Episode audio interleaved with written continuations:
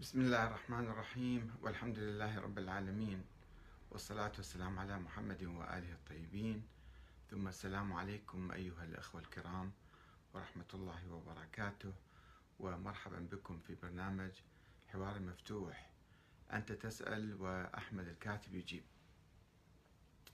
بانتظار أسئلتكم أود الحديث عن موضوعين أو نقطتين. النقطة الأولى هو تعليق للأخ يوسف خليفة الشريدي. آه، على آه، فيديو أو محاضرة للشيخ عبد الحليم الغزي آه، يتحدث فيها عن كتابي أحمد. تطور الفكر السياسي الشيعي من الشورى إلى ولاية الفقيه والكتاب الثاني بالذات حول الإمام المهدي حقيقة تاريخية أم فرضية فلسفية. عنوان الفيديو وقفة مفصلة مع كتاب أحمد الكاتب الذي أنكر فيه وجود الإمام الحجة عليه السلام. آه، نشرت هذا الفيديو في صفحتي وعلق الأخ يوسف خليفة الشريدة. آه، بما آه، يعني ملخص كلامه أنه الغزي يقول أيها الشيعي الاثنى عشري إما أن تكون أخباريا أو لا تكون. يعني إذا تريد تحقق بالروايات وبالقصص وبالأحاديث فلا يبقى شيء من هذا التشيع اللي يحمله في ذهنه. التشيع الاثنى عشري الإمامي كذا. يقول الأخ يوسف خليفة مساء الخير. حقيقة لم يمدحك أحد مثل ما مدحك هذا الرجل يقصد الشيخ عبد الحليم الغزي. في هذا المقطع فقد نسب لك الانسجام مع ذاتك. وكذا نسب لك أنك حاكمت حاكمت عنوان الإمام المهدي بأدوات الحوزة. وعمليا أثنى عليك ثناء لافتا رغم اختلافه معك. أكثر مقطع شعرت فيه أن المتحدث أعانك على نفسه فقد سهل عليك الكثير من الكلام فقد قالها بالفم الملآن وبلا حشرجة. الشيعي ليس أمامه إلا طريق واحد للحفاظ على تمسكه بعقيدته التي ورثها من أهله أن يكون اخباريا مغاليا فقط. فلا يمكن أن تحتفظ بالعقيدة الاثنى عشرية آه، بأدوات التحقيق الأصولية. هذا ما فهمته من طرح الرجل وهو بذلك اختصر كلاما كثيرا طالما كررته على مسامعنا حتى تعب لسانك وتعب سمعنا. في الحقيقة يعني أنا ما أحتاج لكي أنقض هذه النظرية أو أرد عليها لأن هذه النظرية هي زائلة ومنقرضة وغير موجودة حاليا. إنما في الأذهان وبعض الكتب القديمة وفي رفوف المتاحف نظرية الإمامة الاثنى عشرية. عامة الشيعة اليوم دائما أقول هذا الكلام وأكرره اليوم أيضا. الشيعة اليوم هم شيعة ديمقراطيون. شيعة يؤمنون بالديمقراطية وانتخاب الحاكم آه، من أنفسهم وليس من الله تعالى. ولا يشترطون العصمة ولا الناس ولا السلالة العلوية الحسينية. حتى النظرية المرجعية التشيع المرجعي اللي سميته أنا أيضا هو أيضا هذا شيء بديل عن الإمامة والنظرية الإمامية الاثنى عشرية. لأن انتخاب المرجع لو افترضنا عندنا حكومة ويرأسها مرجع. هذا المرجع فقيه مفترض فيه يكون فقيه عادل. يعني ما عنده علم من الله يحكم بالظن يفتي بالظنون دائما. وأيضا آه، ليس معصوما. هكذا يقول كل العلماء. ولا أحد يقول أن المرجع معصوم مثلا. وليس معينا من قبل الله. وليس لديه علم من الله. فهاي نظرية إذن جديدة وهي الموجودة كانت خلال مئات من السنين واليوم تطورت وصارت نظرية دستورية جمهورية ديمقراطية.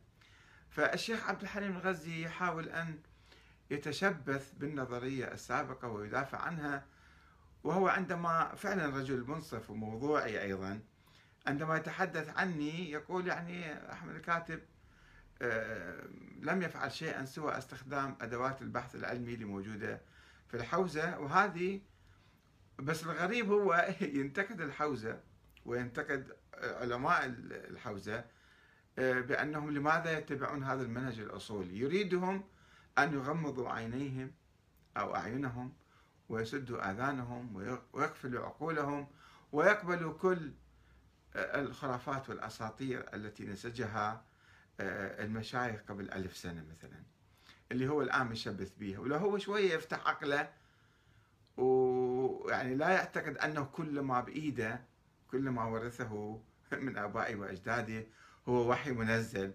إنما هذا كلام كلام ناس آه، نسجوه عبر التاريخ ونسبوه إلى أئمة أهل البيت ويرجع للقرآن ويرجع للعقل ويرجع للواقع. ويشوف الآن شنو الشيء الممكن تطبيقه لا يمكن تطبيق أي نظرية شيعية إمامية اثنى عشرية نعم الفقه الجعفري بضعة مسائل مو أكثر. يعني شوفوا الفقه اللي أفتى فيه جعفر الصادق ويرجعون إلى الشيعة اليوم مسائل معدودة. وتختلف عن مثل مسائل أهل السنة وهي أيضا يمكن وضعها في, وضعها في إطار الاجتهاد. فما فيها مشكلة يعني. المشكلة في الفكر الإمامي السياسي. الفكر السياسي اللي ركب على أئمة أهل البيت وقسرا طبعا وهو فكر مثالي خيالي وهمي وتعرض إلى تحديات آه، داء وصعبة جدا ووصل إلى طريق المسدود بعد حوالي مئة عام من انبثاقه في منتصف القرن الثالث بوفاة الإمام الحسن العسكري وما عنده خلف. وافترضوا بعض الناس بعض الشيعة افترضوا وجود ولد له وقالوا إنه غائب وكذا وراحت نظرية الإمامة. من ذاك اليوم من 1200 سنة إلى اليوم لا توجد هذه النظرية.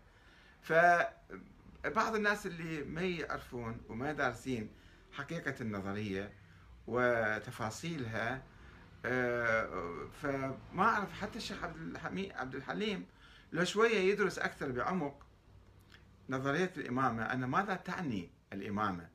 تعني نظرية الحكم بعد النبي وهذه النظرية كيف تقوم وكيف تستلسل وكيف تنتقل من واحد إلى آخر.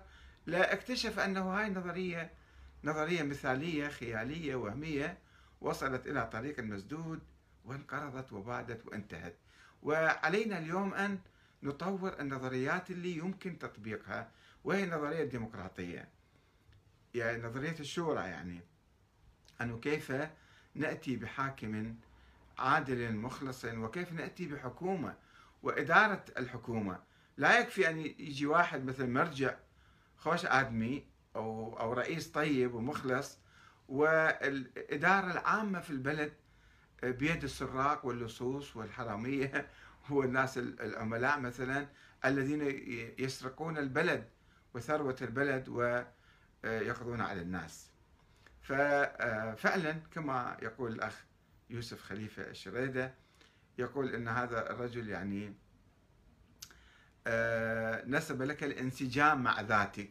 حقيقة يعني شيء واضح هذا يعني أنا ما جبت شيء جديد من عندي وعمليا أثنى عليك ثناء لافتا رغم اختلافي معك. آه، ف وقالها بالفم الملآن الشيعي ليس أمامه إلا طريق واحد للحفاظ على تمسكه بعقيدته.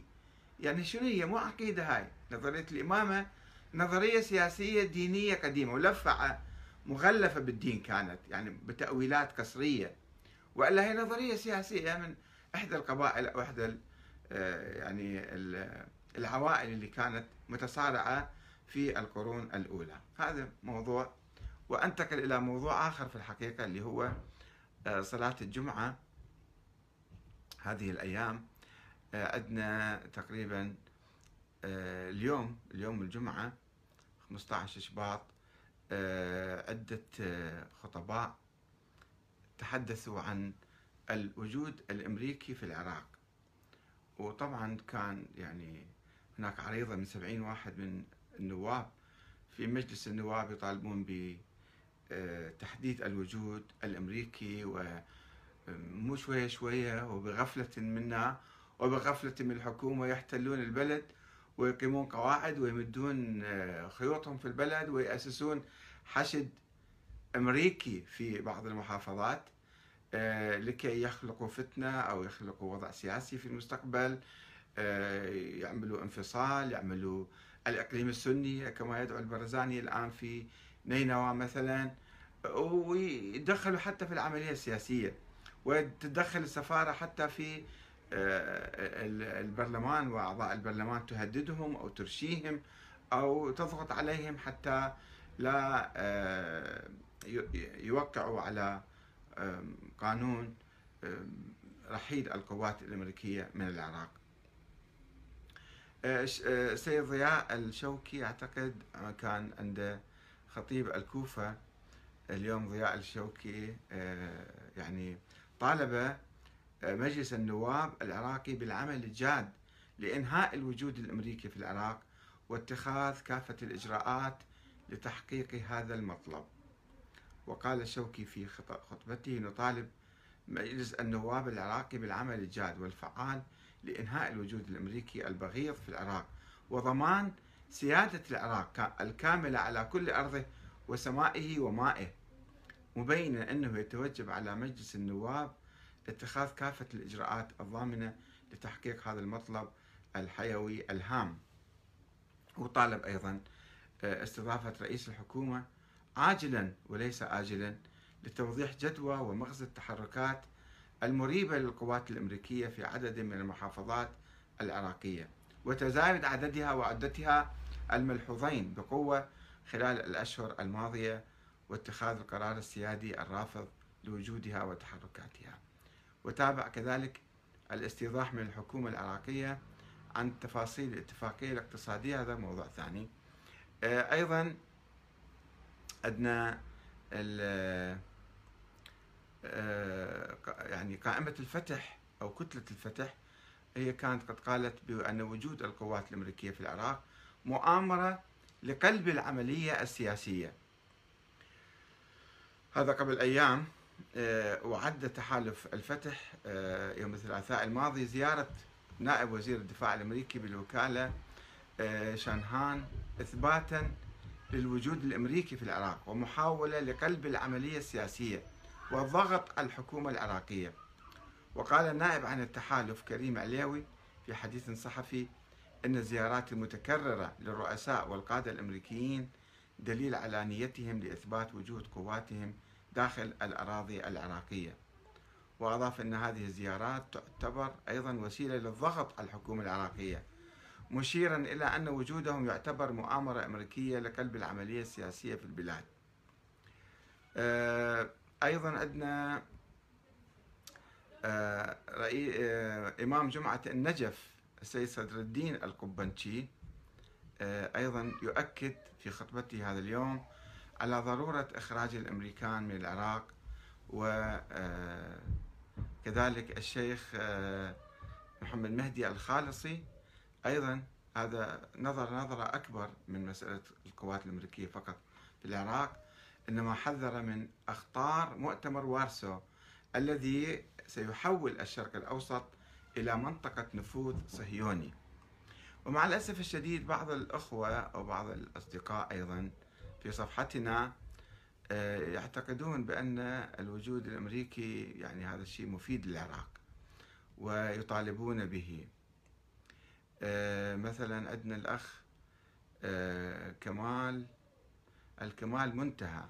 يقول العراق بحاجة إلى دعم أمريكي اقتصادي سياسي وحماية عسكرية.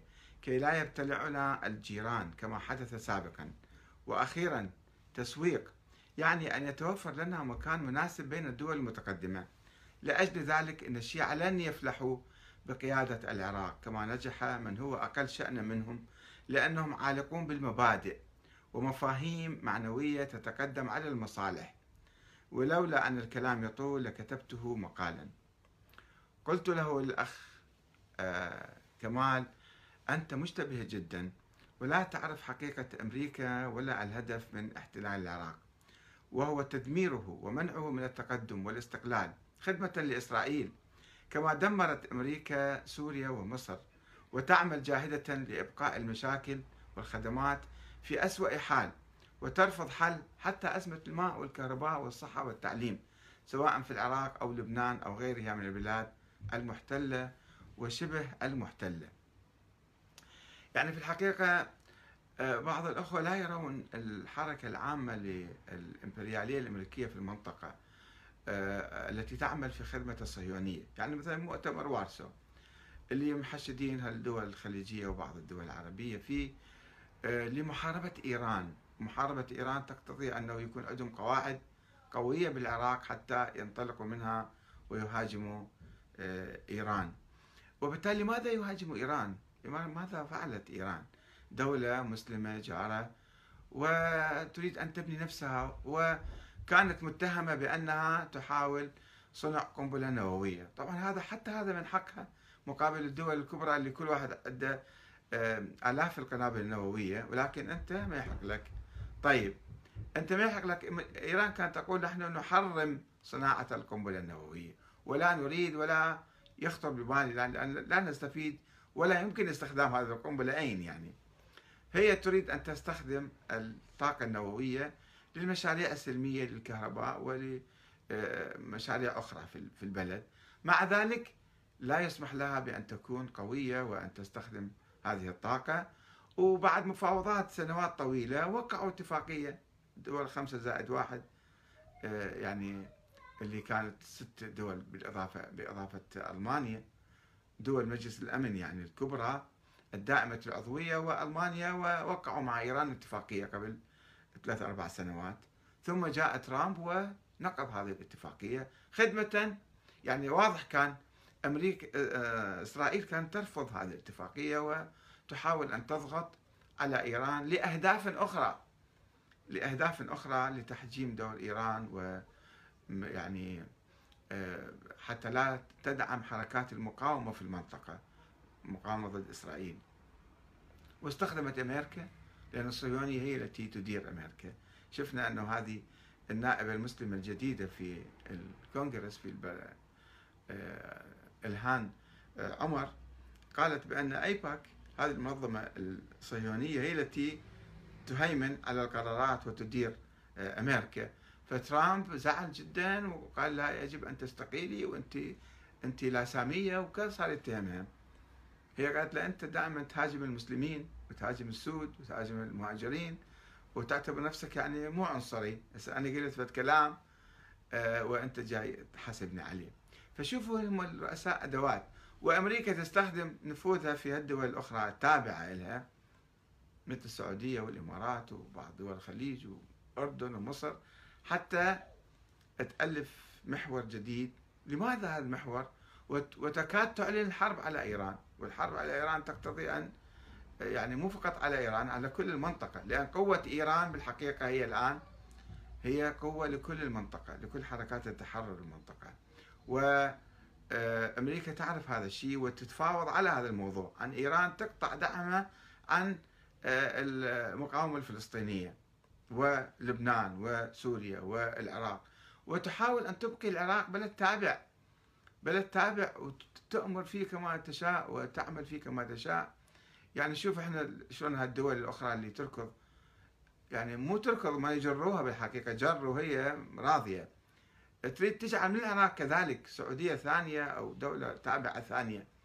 عندما تهيمن على القرار العراقي وتمد نفوذها وتعمل مثل ما جاءت داعش دواعش أخرى. مشابهة لها لكي تسيطر على البلد. فهنا المشكلة بعض الناس ما يدركون. لا يدركون يعني عملية الصراع الموجودة حاليا في العراق آه، ضد الاحتلال اللي عاد من الشباك بحجة مقاومة داعش والآن يحاول آه، هذا الاحتلال يحاول يمد نفوذه في كل شيء. ويهمن على القرار العراقي. لا لا يردون تقدم العراق لا صناعيا ولا زراعيا ولا آه، عسكريا ولا امنيا ولا أي شيء.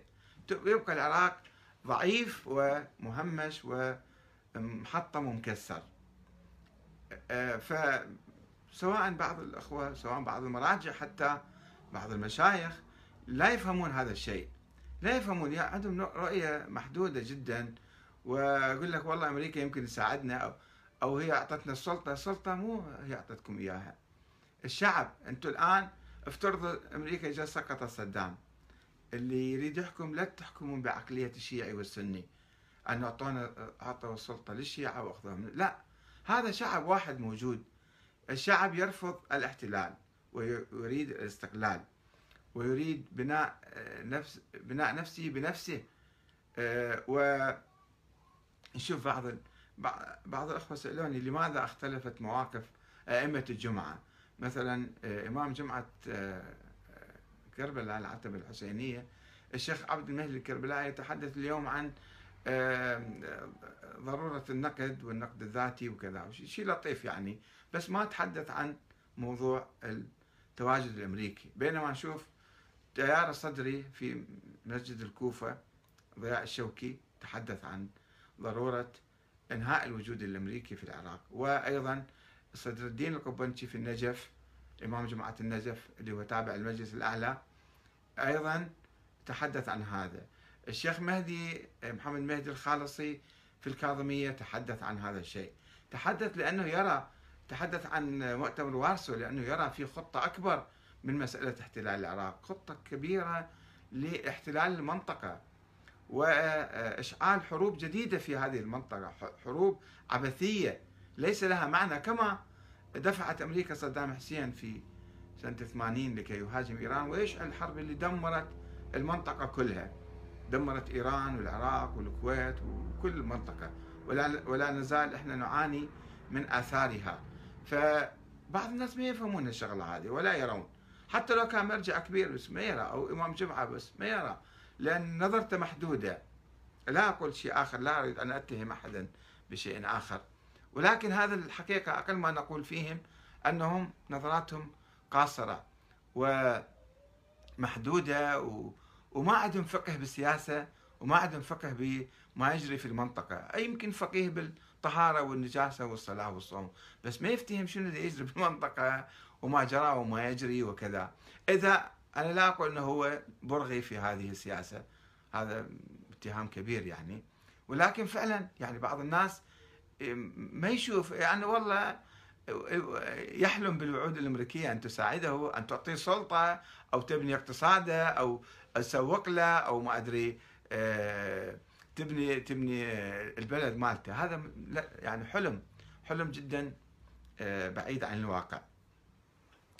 هذا مختصر يعني وأرجع إلى آه، تعليقاتكم أيها الأخوة الأعزاء ونشوف آه، أكيد تعليقات كثيرة اليوم. وصلتنا أو ستصلنا وأحاول أن أخذ منها بقدر الإمكان. آه، عبد من ناخذ من تحت. آه، سامر زيد يقول ليس هناك هل هناك حكم شرعي يخص القضية الفلسطينية أم أن هذا شأن دنيوي؟ هو شأن دنيوي ولكنه في مبادئ في دفاع عن ناس معتدين آه، محتلين أراضيهم والمنطقة كلها يعني فلسطين ما تخص فلسطين فقط الهيمنة الأمريكية الصهيونية على فلسطين يعني هيمنة أمريكية غربية صهيونية على كل المنطقة ومنع تقدمها منع اتحادها منع تقدمها في أي مجال ونشوف شلون يحاربون إيران. دولة أخرى بعيدة عنهم لازم هم يحاربوها. آه، ماكو فرق بين الدين وبين الدنيا. يعني أكو شيء أشياء ممتزجه مع بعض. أنت عندما تدافع عن شرفك وعرضك ومالك تدافع عن قضايا دنيوية ولكن هذه مسألة دينية. ومن قتل دون ماله فهو شهيد. من قتل دون عرضه فهو شهيد. يعني الإسلام مو في شيء منفصل عن الحياة. ويعيش بالسقف فقط. على هذه القضايا الواقعية ومجرى مجريات الأحداث. الإمام علي يوصي أبنائه كونا للظالم خصما وللمظلوم عونا. هذا دين ودنيا مع بعض.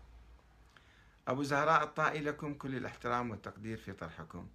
التواجد الامريكي أجنبي مرفوض بكل أشكاله مهما كانت الأطراف سواء الإيرانية والأمريكية والتركية والسعودية أليس هذا صحيح؟ لا مو صحيح يا أخي العزيز. هناك فرق بين تواجد عدواني وتواجد يخدم البلاد ضد العدوان. يعني الآن افترض إيران تدعم فلسطين تدعم غزة. يعني هذا تواجدها في غزة أو في لبنان. هو احتلال لبنان أو احتلال فلسطين أم هو دعم في مقاومة العدوان؟ فلازم نفرق. من وقف معنا في مواجهة داعش في الأيام الأولى؟ لولا إيران لكان داعش احتلت العراق كله. الدعم العسكري وال, وال يعني السريع و لو مو هم كانوا يعني فعلا وضعنا في أزمة. وأمريكا تنصلت من اتفاقية الأطار المشترك ورفضت أن تقدم حتى الطائرات اللي مشتريها العراقيين أو الأسلحة المشتريها إلا بعد شهور لما ضمنت أنه معادلات سياسية معينة فيجب أن لا نستسلم أو نستمع إلى الإعلام الأمريكي الذي أيضا يهاجم إيران، صحيح إيران عندها نفوذ ولكن لمصلحة من وفي خدمة من ولمواجهة من؟ هل هو قوة للعراق أم هذا شعلان واسي مثل ما أمريكا إيران؟ لا مو هالشكل. عبد المجيد الصريمي من اليمن يقول أستاذ أحمد في الحقيقة أنا أستغرب ولا أستطيع تأويل مديحك وترويجك المتتابع لدوله كايران ولا سيما بعد ظهور أدائها المطلق للعرب. يا أخي هذا إعلام ما أدري أنت مقتنع فيه ولا ماخذه من الإعلام السعودي والصهيوني. أنه إيران عدوة العرب هذا إعلام أمريكي صهيوني قاعد تكرره أنت. آه فمنس يعني مرفوض كلامك تماما. حقد إيران وكذا وبتاع. هذا كله إعلام. يعني قديم جاي ما أدري أنت متأخر عليه وجاي تتكرره بدون آه تدقيق وتحقيق و آه، وشفنا هذا أنت اللي تدعمه مثلا وزير خارجية آه، اليمن الشرعي يروح يجلس مع نتنياهو في هذا المؤتمر ويحاول أن يكون أداة بيد القوات المؤامرة الأمريكية الصهيونية.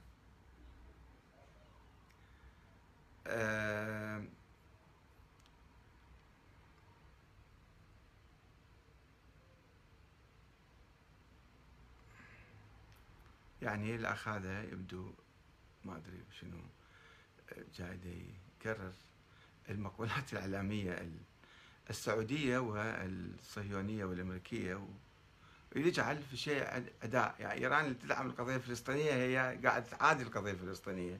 شو هالمنطق هذا يا أخي العزيز؟ آه نعم. أشوف التعليقات الأخرى.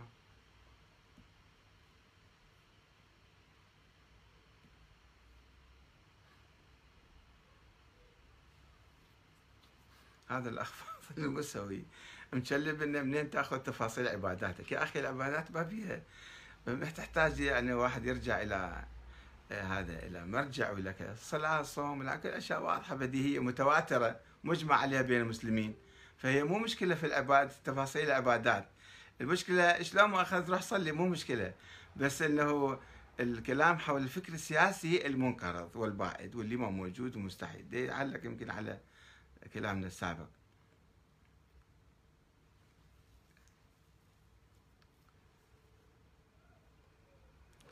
الأخ سلمان مجيد. يقول يجب أن نعترف أن أهم أسباب نجاح الأمريكان في السعي إلى بسط نفوذها في العراق هو إصرار الطبقة السياسية في نهجها لسرقة أموال الشعب ومحاربة كل إجراء من أجل تقدم العراق ومحاربة الاقتصاد من زراعة وصناعة وغيرها. يعني أيضا يجب أن نعترف يا أخي العزيز سلمان بأنه أمريكا سوت لنا نظام محاصصة ومفروض هذا النظام ولا يسمح بتعديله. هي لا تسمح إلا أن نستقل ونأخذ قرارنا تماما فيمكن نغير هذا النظام. في ظل الهيمنة الأمريكية المستمرة والمتواصلة والمصرة يعني من الصعب مسوي نظام فلسطين اللي لازم يكون محاصصة. والمحاصصة تؤدي إلى ضعف البلد ومجيء السراق واللصوص في الوزارات. كل واحد يسرق حسب ما يشاء. وبالتالي يبقى البلد كله متخلف. وأول ما اجوا هدموا لكم مئات أو آلاف المدارس بحجة تعميرها وتجديدها هدموا المدارس حتى يقضوا على التعليم. وصار عندنا المدارس كل ثلاث وجبات في مدرسة واحدة. قلصوا المواد الدراسية والدراسة سريعة وبالتالي هذا كان ضربة للتعليم. أول ما أجوا غير حلوا الجيش وال والأمن مثلا حلوا أيضا التعليم دمروا التعليم. فهي عملية مشتركة. يعني إذا ما أخذنا استقلالنا وتهاونا اليوم مع عودة أمريكا بصورة أكثر أن نسمح لها تمتد وتحتل قواعد. وتمد جذورها وتسوي جيش أمريكي حشد أمريكي يعني وتسوي كذا وكذا. فسوف نفقد وجودنا ونفقد آه، كياننا ونفقد آه، قرارنا. فلذلك أنا بالحقيقة آه، أؤكد على ضرورة يعني جايين هم الأمريكان بحجة الاستشارة وبحجة ما أدري التدريب. هو الجيش ما يحتاج تدريب. والجيش اللي دربوه ما قدر يسوي شيء. الحشد ما يدربون الحشد الحشد هو الذي قاوم. وبعض القوات الأخرى أيضا قاومت. يعني لازم إحنا نبني ما نحتاج تدريب. شو شو تدربنا أمريكا يعني؟ على شنو يدربونا؟ فلازم أهم شيء نخلي أمامنا اليوم تحقيق الاستقلال وإنجاز الاستقلال تماما حتى نتمكن نفكر بعد بإعادة بنائنا السياسي بحل مشاكلنا نتحول لنظام نظام رئاسي حتى الرئيس يكون موحد وموحد للبلد كله بدون محاصصة طائفية أو قومية. وهذا الرئيس مثلا يجيب حكومة قوية ويتبنى ويكون مسؤول ويتحمل المسؤولية فيصير يحاسب الناس بقوة. وحزب مشترك مو حزب طائفي قاسم على هذه وزارة إلك وهي وزارة إلي وهذه الكذا ونظل نتعارك عليها.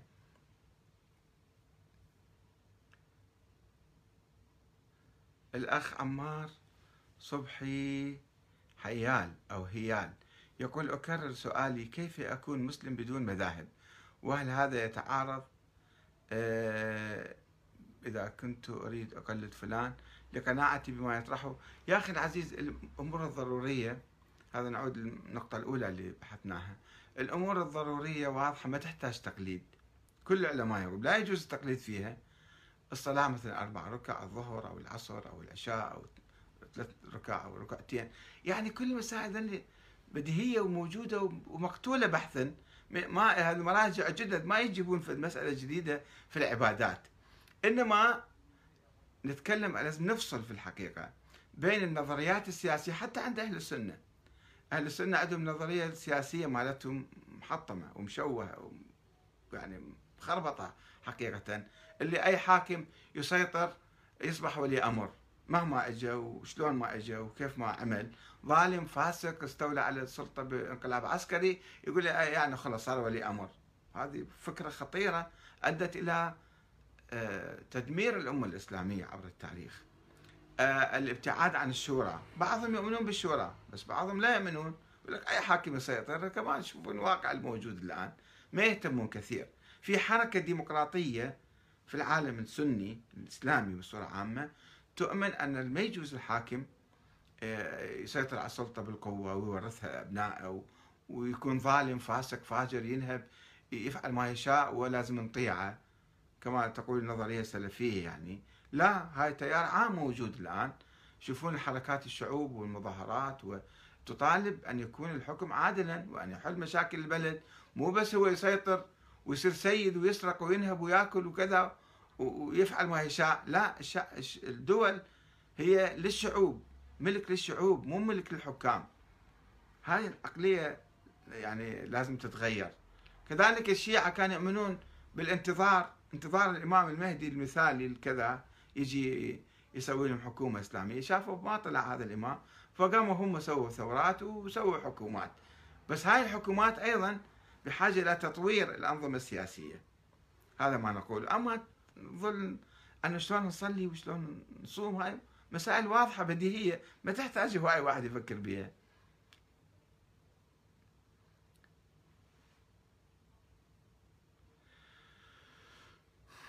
هذا يرجع لنا إلى الكاظم محمد الكعبي يقول السيد الكاتب هل تؤمن بحديث الأئمة الاثني عشر؟ وفي حال إيمانك من هو الإمام الثاني عشر؟ وفي حال عدم إيمانك بهذا الحديث نرجو بيان منهجك في قبول الحديث ودمتم يا أخي العزيز النظرية الاثنى عشرية ولدت في القرن الرابع الهجري. لازم تعرف هذا الشيء. ما كانت قبل عند الشيعة. شوف الإسماعيلية مثلا اللي هو هم شق إمامي أيضا. إمامية ما يؤمنون تحديد الإمامة. الإمامة وراثية ليوم القيامة هكذا يؤمنون. هكذا كانت النظرية الإمامية.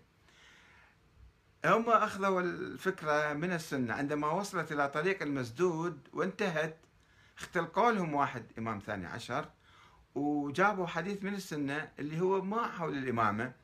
حديث ضعيف آحاد خبر آحاد يسموه. ما نبني نبني عليه عقيدة وفكر سياسي وحضارة ودولة وكذا. أنه سيكون بعدي 12 أميرا ثم يكون الهرج والمرج. بعدي 12 أميرا. مو تنتهي الدنيا ب 12 واحد إنما هكذا حديث مركب مؤلف يعني موضوع. سيكون بعدي واحد طفل راوي يقول ما أدري ما سمعت زين أيضا من النبي شنو قال. أبويا قال لي ذول كلهم من قريش بعدين. آه، سمر بن جندب. أنه سمعت اشكال يقول وبعدين 12 آه، اميرا أو 12 خليفة حاكم يعني. وذولا ما موجودين. حتى السنة ما يعرفون معنى هذا الحديث ولا شيعة يعرفون معنى الحديث هذا. وبعدين أنت عندك ائمه 11 جيب الثاني عشر وسويهم 12 إذا أنت ما قادر تثبت وجود الثاني عشر شلون تقول الائمه صاروا 12 صاروا 11 مو 12 فما ينطبق هذا الحديث عليهم إلا تركب وبعدين نتيجته شنو؟ يعني مو قصة أقبل لو ما أقبل هو وين موجود؟ الإمام الثاني عشر؟ أنه أنا أفترض فد واحد كان موجود قبل 1200 سنة أفترض لو ما أفترض أقبل ولا ما أقبل؟ كله نفس الشيء. يعني بالنتيجة الآن أنت ما يمكن تكون إمامي.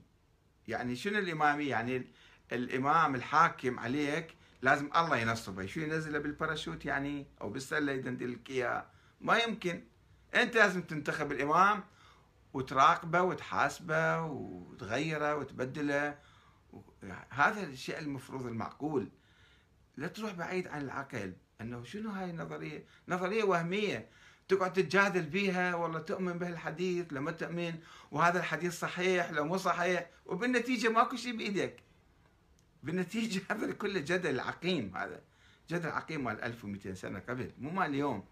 أنت بعدك جاي الآن في العصر عليك أن تفكر بشيء اللي يكون عملي شيء مفيد. عندك المرجعية مثلا. مرجع هاي في حالة صارت انه واحد فقيه عالم عادل ننتخبه يصير قائد علينا. هاي نظرية. نظرية مرجعية. طورت هاي النظرية حتى المراجع هم قالوا يا خلينا نسوي نظام سياسي مو بس بالفقه وبالمسائل. النظام السياسي كيف يكون؟ روح شوف إيران روح شوف العراق روح شوف لبنان روح شوف أي مكان. يقول لك نشكل حكومة شعب ينتخب مجلس النواب أو ينتخب مجلس الخبراء وذول ينتخبون القائد وينتخبون رئيس الجمهورية أو انتخابات مباشرة. وهذا هو النظام الصحيح المعقول. فليش نروح إلى نظريات لم ينزل بها الله من سلطان؟ نظريات ناس اختلقوها وظلوا يجادلون عليها وأنت جاي الآن في القرن الواحد والعشرين تتناقشني أنه تؤمن لو ما تؤمن. آمنت لو ما آمنت إيش راح يصير بعدين؟ شوية فكر بعقلك يا أخي العزيز.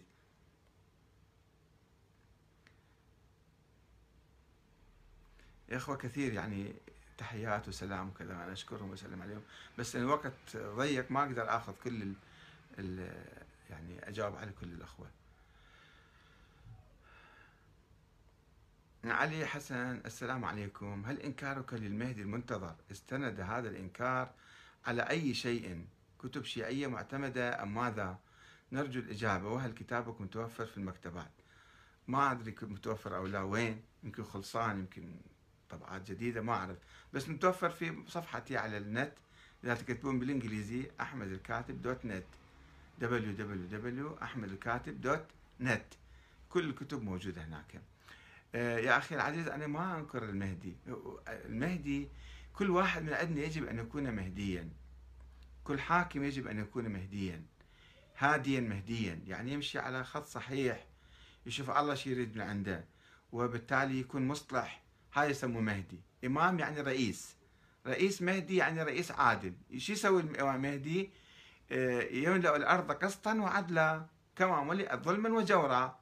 فإحنا لازم نسوي هذا الشيء. مو ننتظر واحد من السماء ينزل يسوي لنا هاي الشغلة. إحنا لازم نكون كل واحد في إطار آه، حياته في حدوده في بيته مع أهله مع أولاده.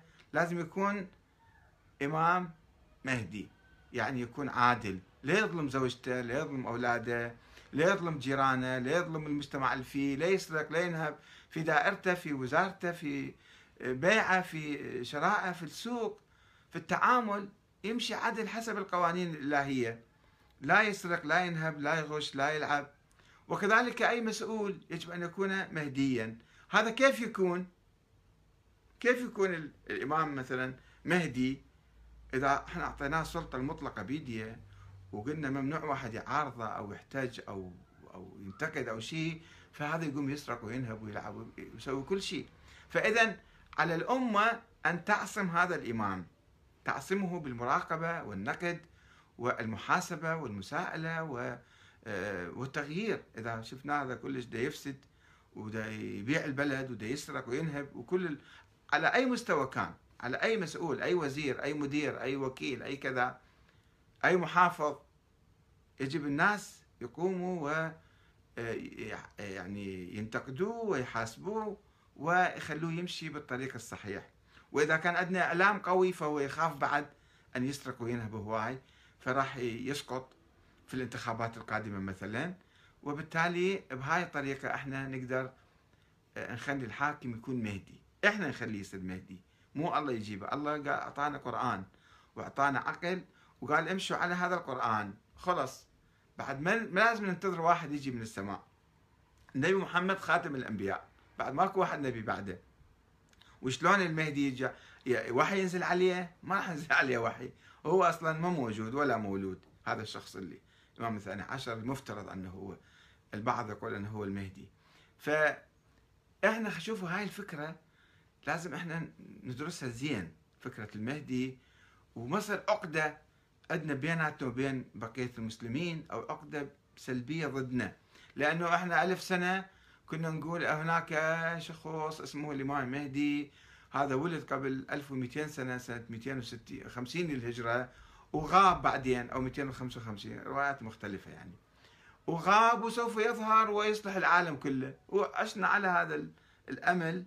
المخادع 1200 سنة وما صار شيء لا اجى واحد ولا صلح الأمور. فخلي نهتم ونفكر بما يجري اليوم بما نصلح نظامنا. كثير من الأخوة يشكون يقول لا حراميه الحكام. سراق ولصوص. طيب أنت دورك شنو في إصلاح هذه الأمور؟ في منع السرقات ومراقبة المسؤولين. لازم يكون عندك دور. أنت وأصدقائك وإخوانك شكل خلية مهدوية أنتم المخلصين مع بعض واحد يعرف الثاني. شكلوا كل واحد في كل منطقة في كل دائرة في كل كذا خلية مهدوية. خلية مهدوية آه، تعرف القوانين وتمنع الفساد والرشوة واللصوصية اللعب بالأموال العامة وبالمسؤوليات العامة أيضا. في مجلس النواب أيضا نفس الشيء. تكون هناك خلايا مهدوية آه، و يعني إذا شافوا البلد دا يجي مستعمر جديد يحتله أو يسيطر عليه يجب أن يقاوموه وإذا شفنا فرد مسؤول أو وزير أو حتى مرجع ساكت لازم نقول ليش ساكت أنت؟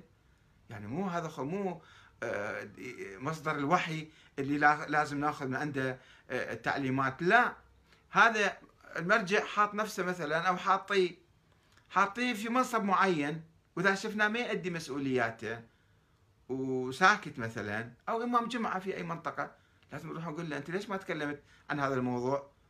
نرجو نرجو منك تتكلم عن هالموضوع عن هالموضوع. نقدم لك اقتراحات معلومات كذا. وأيضا نحاسب أئمة الجماعة. أئمة الجماعة أيضا مو مصدرين من فوق مو فقط يتكلمون وإحنا نسمع لهم ونسوي لهم صلوات أو تكبير أو كذا لا. سواء كان مرجع ولا إمام جمعة ولا مسؤول ولا وزير ولا آه، محطة تلفزيون مثلا. آه، نقول لهم ليش ما تتكلمون عن هالأشياء الضرورية؟ اللي نشعر فيها اللي نشعر فيها إنها صحيحة وضرورية فنطالب المسؤولين بمختلف المستويات أن آه، يعني يتكلموا ويقوموا بدورهم.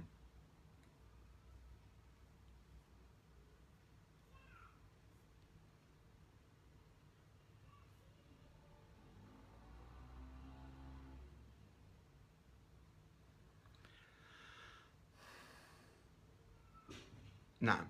الأخ أحمد عقيل البطاط يقول هل فعلا أن إيران تدمر الدولة العراقية كما هو مطبوع الآن في عقول أغلب العراقيين؟ ما أعرف أغلب العراقيين بالحقيقة بس هذا الإعلام الأمريكي يروج الإعلام الأمريكي يروج دائما حتى يبرر بقائه. كما شفنا أحد الأخوة يقول إنه حتى إحنا آه، نحافظ على استقلالنا فلازم نكون عملاء لأمريكا أو تابعين لأمريكا أو نسمح لأمريكا تجي تسيطر علينا حتى تمنع إيران. شو المنطق هذا؟ منطق عجيب غريب حقيقة. أنت شوف إخوانك اللي يدعموك آه، ويأيدوك في ساعة العسرة اللي مرينا بها بالعراق. إجوا الإيرانيين إخواننا واعزائنا وأصدقائنا ودعمونا. أنا عندي اختلافات مع إيران. أنا كنت عايش بإيران وطلعت من إيران. وعندي اختلافات عقائدية كما يقولون أو فلسفية أو فكرية أو سياسية. ولكن أكو موقف حقيقة لازم يقال. يعني مو لأنه أنا أنتقد إيران في بعض المجالات فيجب أن أسبها ولعن أبوها وأحاربها. لا. يعني أكو شيء حقيقي. إيران وقفت معنا في مقاومة داعش وفي مقاومة الأمريكان أيضا. هي دعمت المقاومة العراقية ضد مختلف فئاتها من السنة والشيعة. والآن أمريكا ترجع مرة ثانية. يا شنو؟ لا يكون إيران تحتلكم. مو أنتم محتلين اليوم. وأنتم دمرتونا دمرتوا بلدنا. نرجع نشوف هنا في هذه الصفحة.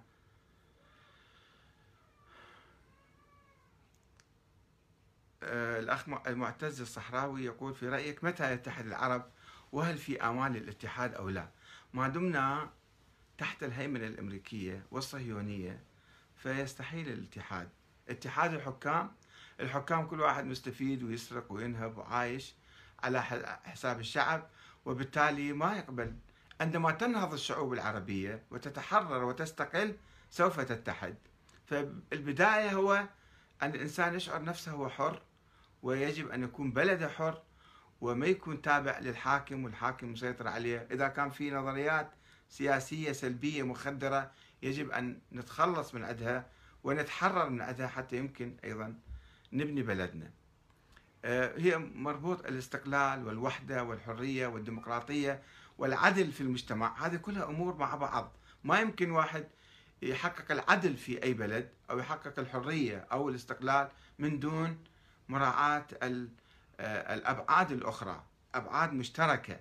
يجب أن إحنا نكون عدول ونكون أحرار في أنفسنا ونعمل من أجل تحرير بلادنا وإشاعة العدل فيها. وهذا لا يتحقق إلا بالوحدة والاستقلال أيضا. شوفوا الآن لو شوية إحنا نتحد مع بعض مو نتحد تحت آه، خيمة أمريكا لمحاربة بلاد أخرى. لا نتحد لكي نستقل حقيقة ونحافظ على ثرواتنا وعلى وجودنا من التلاعب الأمريكي الصهيوني فينا.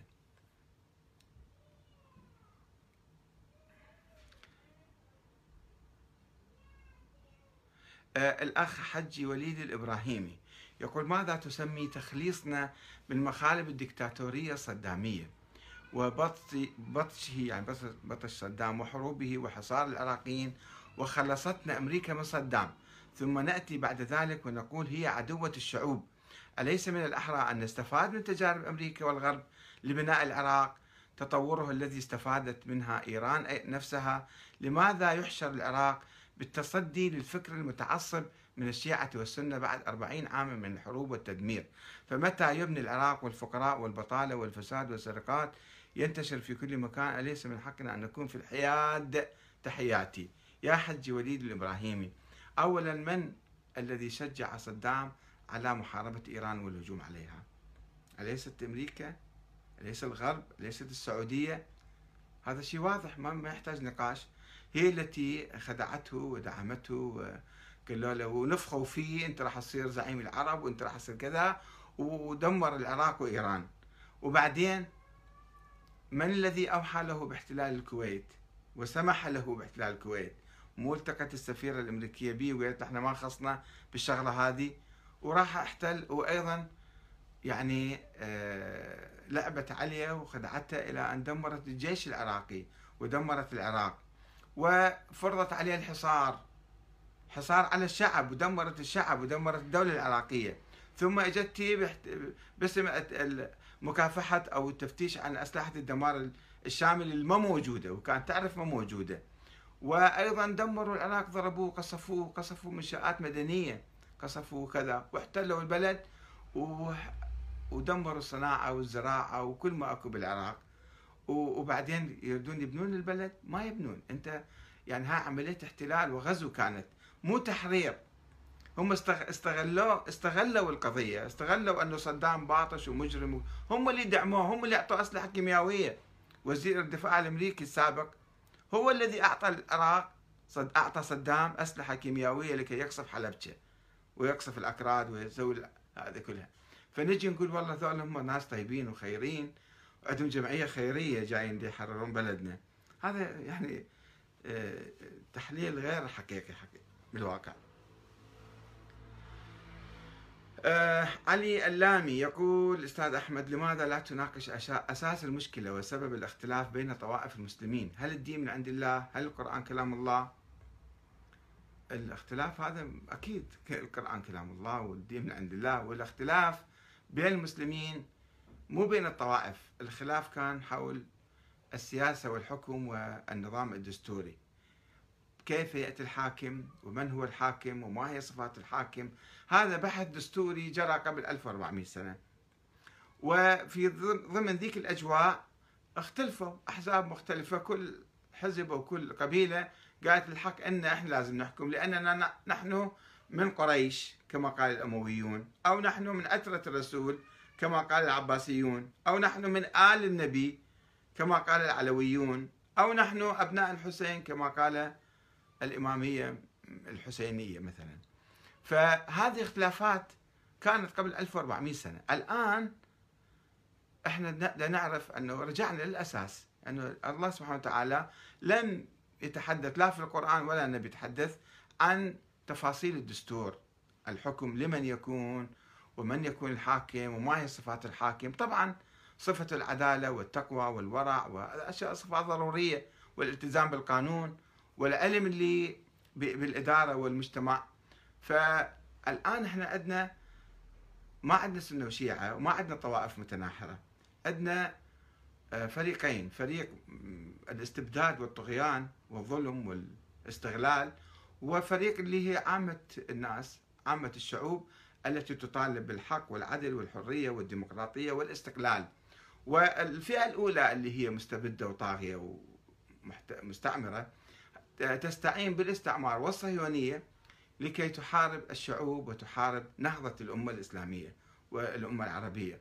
ف آه، يعني هي معركة جارية ولكن بين من ومن. ما عندنا معركة بين السنة والشيعة. معركة بين الشعوب في كل بلد عندنا شوفوا. وبين آه، الطغاة والمستبدين والدكتاتوريين في تلك البلاد. أمجد حسن يقول بارك الله فيك وأطال عمرك. شكرا جزيلا. آه المعتز الصحراوي بارك الله فيك. آه الأخ محمد عبد الله الأنصاري يقول والله يحلف الله أيضا لم يدمر العراق شر تدمير في كل مجالات الحياة سوى إيران وعملائها وذيولها الخونة. طيب وأمريكا شنو سوت يا أخي العزيز؟ وزعت ورود بالعراق ولا بنت مشاريع ولا حلت مشكلة الكهرباء ولا شنو سوت؟ آه كار كارز. يقول ما رأيك بالحلف الإيراني الروسي التركي؟ هو مو حلف وإنما تنسيق في مسألة آه، سوريا ومقاومة المؤامرة, المؤامرة الأمريكية الصهيونية الغربية الخليجية لتدمير سوريا وتقسيمها وتحطيمها وإثارة الفتنة الطائفية فيها. فهم يعملون تركيا وإيران وسوريا لكي يعيدوا بناء الدولة السورية.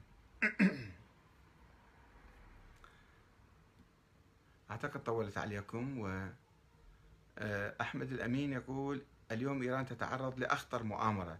سؤال شيخ ألا تعتبر هذا العدوان مذهبي وهابي سعودي؟ لا مو مذهبي. هذا وهابي سعودي صحيح. ولكن شوف السعودية تتح... تعادي قطر وقطر أيضا وهابية مثلها. وعندهم مسجد أكبر مسجد مسجد محمد عبد الوهاب. فالمسألة مو طائفية خلينا نفهم الشيء. مسألة سياسية وهم عندهم أجندات مرتبطة بأسيادهم الآخرين. آه، نعم أنا أعتقد طولت يعني أنت قريب ساعة أكملنا. فنشكركم ونشكر مساهماتكم وإن شاء الله إلى لقاء آخر. والسلام عليكم ورحمة الله وبركاته.